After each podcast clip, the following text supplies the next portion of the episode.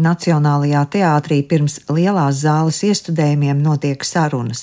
Šajā reizē pirms suņu ciema nelaimes lācis ģenerāla mēģinājuma sarunās klāt darba autors un režisors Regnārs Vaivars un mācītājs Krists Kalniņš.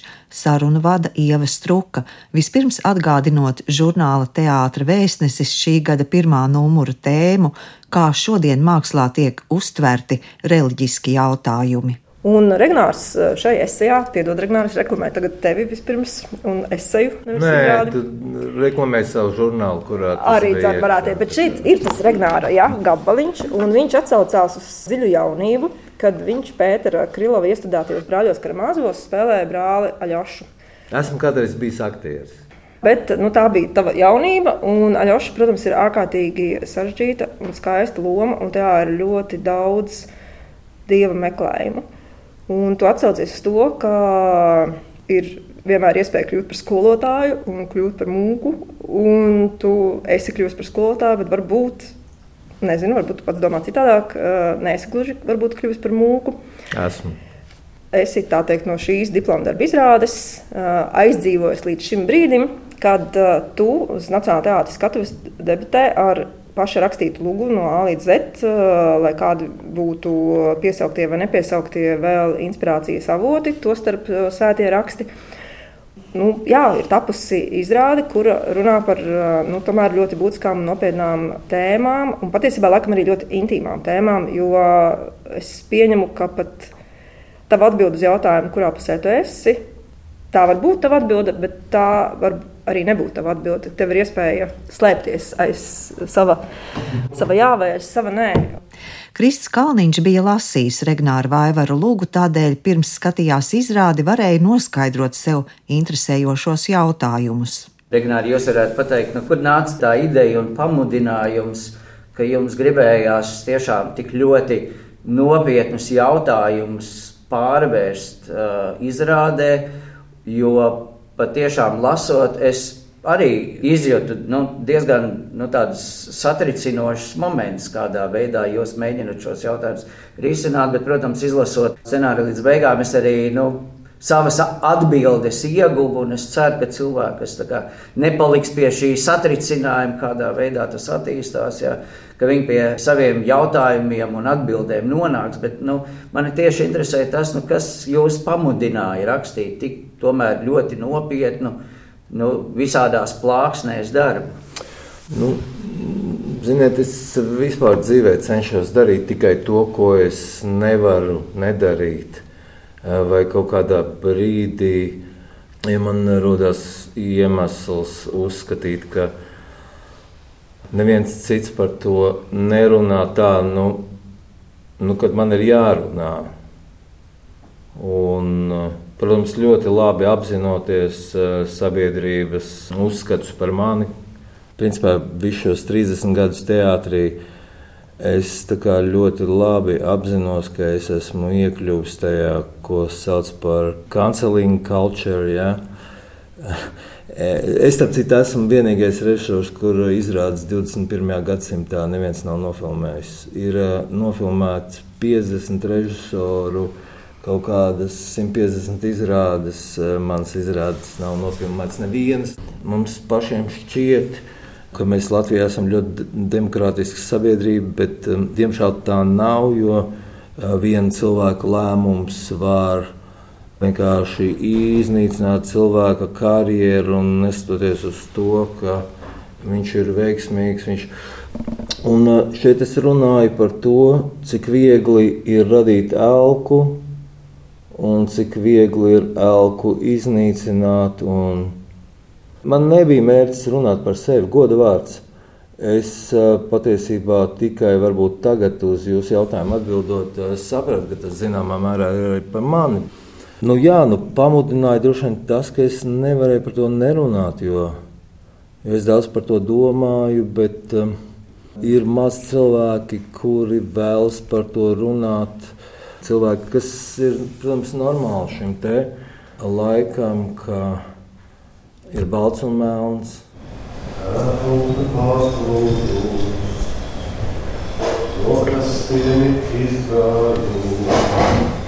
kopiena, jeb ciemnieku bariņš dzīvo savu dzīvi. Tajā ir sava kārtība, hierarhija, savi dievi, savi netikumi, līdz ierodas Līlita. Cieminiekiem tiek piegādāta humanā palīdzība, un viņu uztvere mainās. Visas elementāras lietas ir beigušās. Vismaz kaut kāds tēmas, koncerts, kaut mazliet nauda ir jādabū. Jūs neko citu savā dzīvē neesat redzējuši kā humāno palīdzību. 90. sākās ar humānu. Tagad 20. gribat paliek tāpat.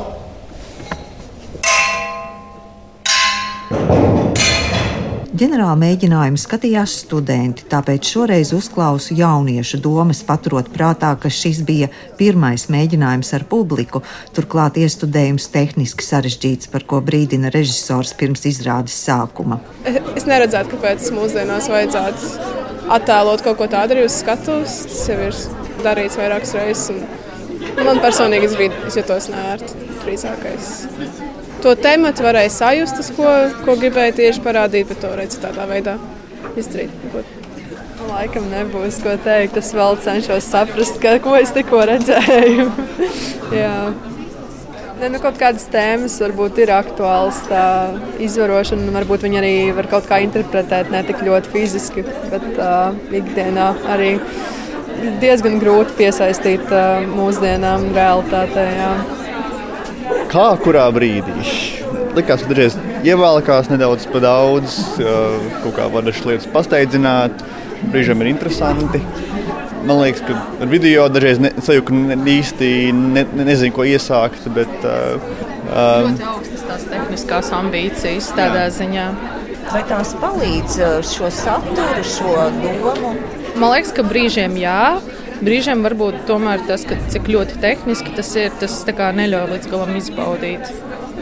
Arī brīžiem sanāk tā, ka notiek viena darbība, un pēc tam video ir cita darbība, un tu īsti nesaproti, uz ko tieši vairāk fokusēties tajā mirklī. Bet atkal citos brīžos tas ir kā, nu, tiešām efekts. Izrādes vidū es sapratu, ka tas ir uh, balstīts uz uh, trījera filmu, droši vien Mandelē. No sākuma es to nesapratu, pēc tam es to sapratu, ka tas viss tā kā sāsinājās. Un, uh, tā filma nāca paralēli atpakaļ. Un, un, un, tad gribēju, gribēju saprast, cik daudz tādu pati doma nāk no filmas līdzi un cik daudz režisors šeit liek klāt. Jūs ieteiksiet draugiem nākt uz šo? Jā, man liekas, ka vajag redzēt visu jauno. Šī nav tāda standarta izrāde, manuprāt. Bet jā, jānoskaņojās. Es nācu ar tīru prātu, es nezināju, par ko tas vispār būs. Es, diemžēl, neesmu redzējis šo filmu, par ko jūs runājāt. Bet man liekas, ka tur ir arī tas svarīgs tas pārdomāšanas process pēc tam. Un, ja ir kaut kāda mazliet, ko es varu piebilst, es tikko draugam stāstīju, ka man ļoti patīk, kā Maija Doveika spēlēja šajā izrādē. Ir sevišķi tajā brīdī, kad viss vēl bija pelēks un nebija visas tās krāsainās fiziskās mantas, tad, jā, man liekas, viņas tēlojums visvairāk izcēlās. Režisors iedvesmojies no Lārsa Fona Trīra filmas Dogvila, bet es uzklausīju Aleksi un Agnesi. Tad sarunu turpinu ar Bērtas lomas atveidotāju Māju Doveiku par darbu pie iestudējuma un par ciemniekiem. Šis ir grūts darbs grūts tādā izpratnes ziņā.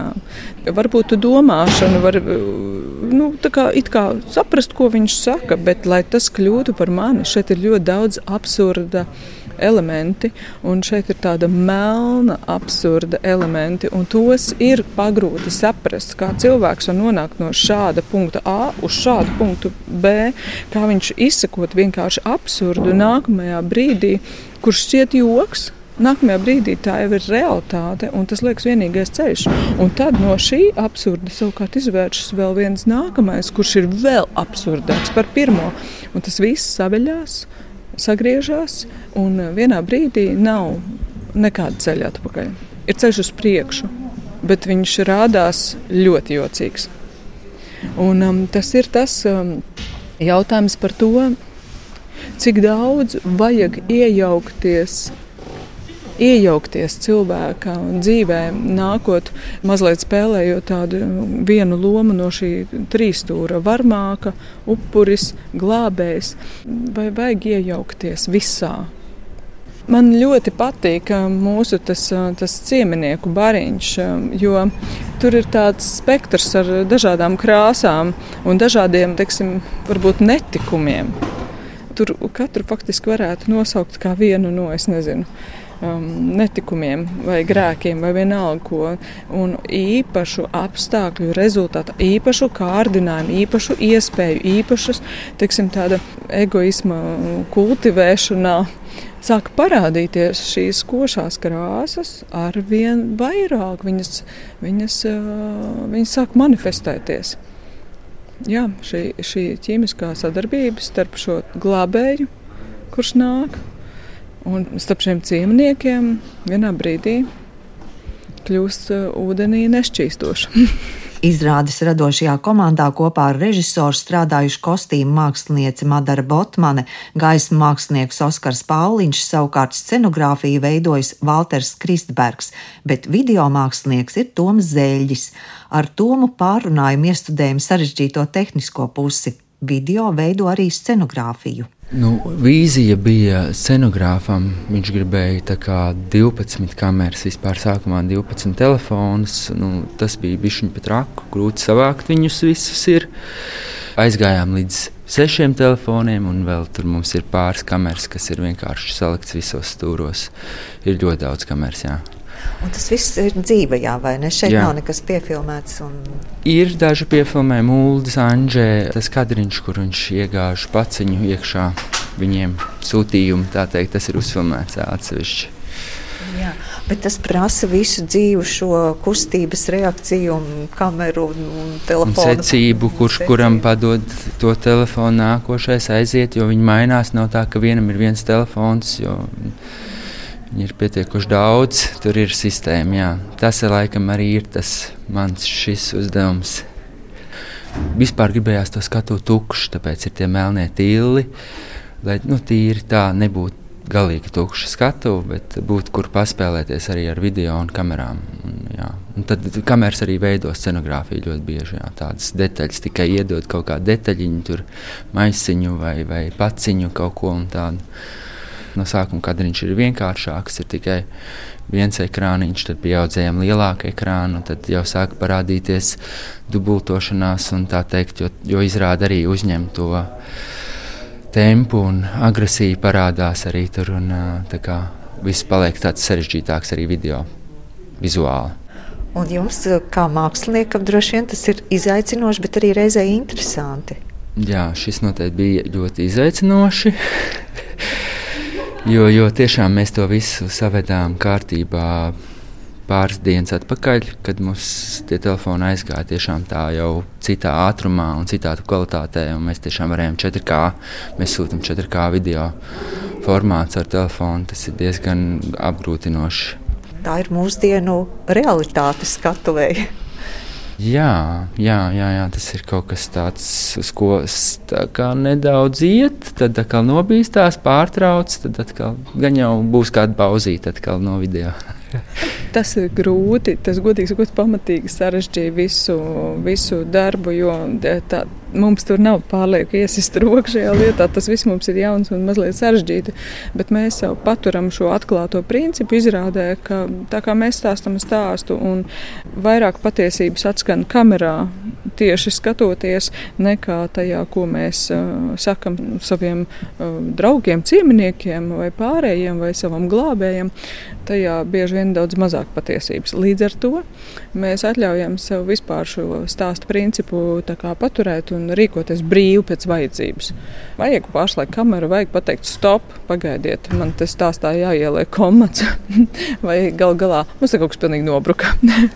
Iestudējumā piedalās aktieri Laura Siliņa, Uldis Anže, Kārlis Reijers, Ivars Kļavīnskis, Romāns Bargais, Māja Doveika, Daiga Gaismiņa, Marija Bērziņa, Sanita Paula, Ieva Aniņa, Igors Šeligovskis, Gusts Alberts vai Lūkas Daniels Laizāns. Viens šis darbs varbūt uh, iejūsminās, otrs sadusmos, trešam liks pārjautāt vai strīdēties, paga, kā tad īsti ir šie jautājumi. Ja? Nu, Regners ir provokators. Viņam patiktu šāds rezultāts. Pārskatot Regnāra Vaivara iestudējumus Nacionālajā teātrī, pie pēdējiem nozīmīgākajiem minēti 2008. un 2009. gada darbi, tā skaitā Ingrīdas Lauzundas Homo erectus. Tātad kādu laiku režisors nav provocējis Nacionālā teātra skatītāju.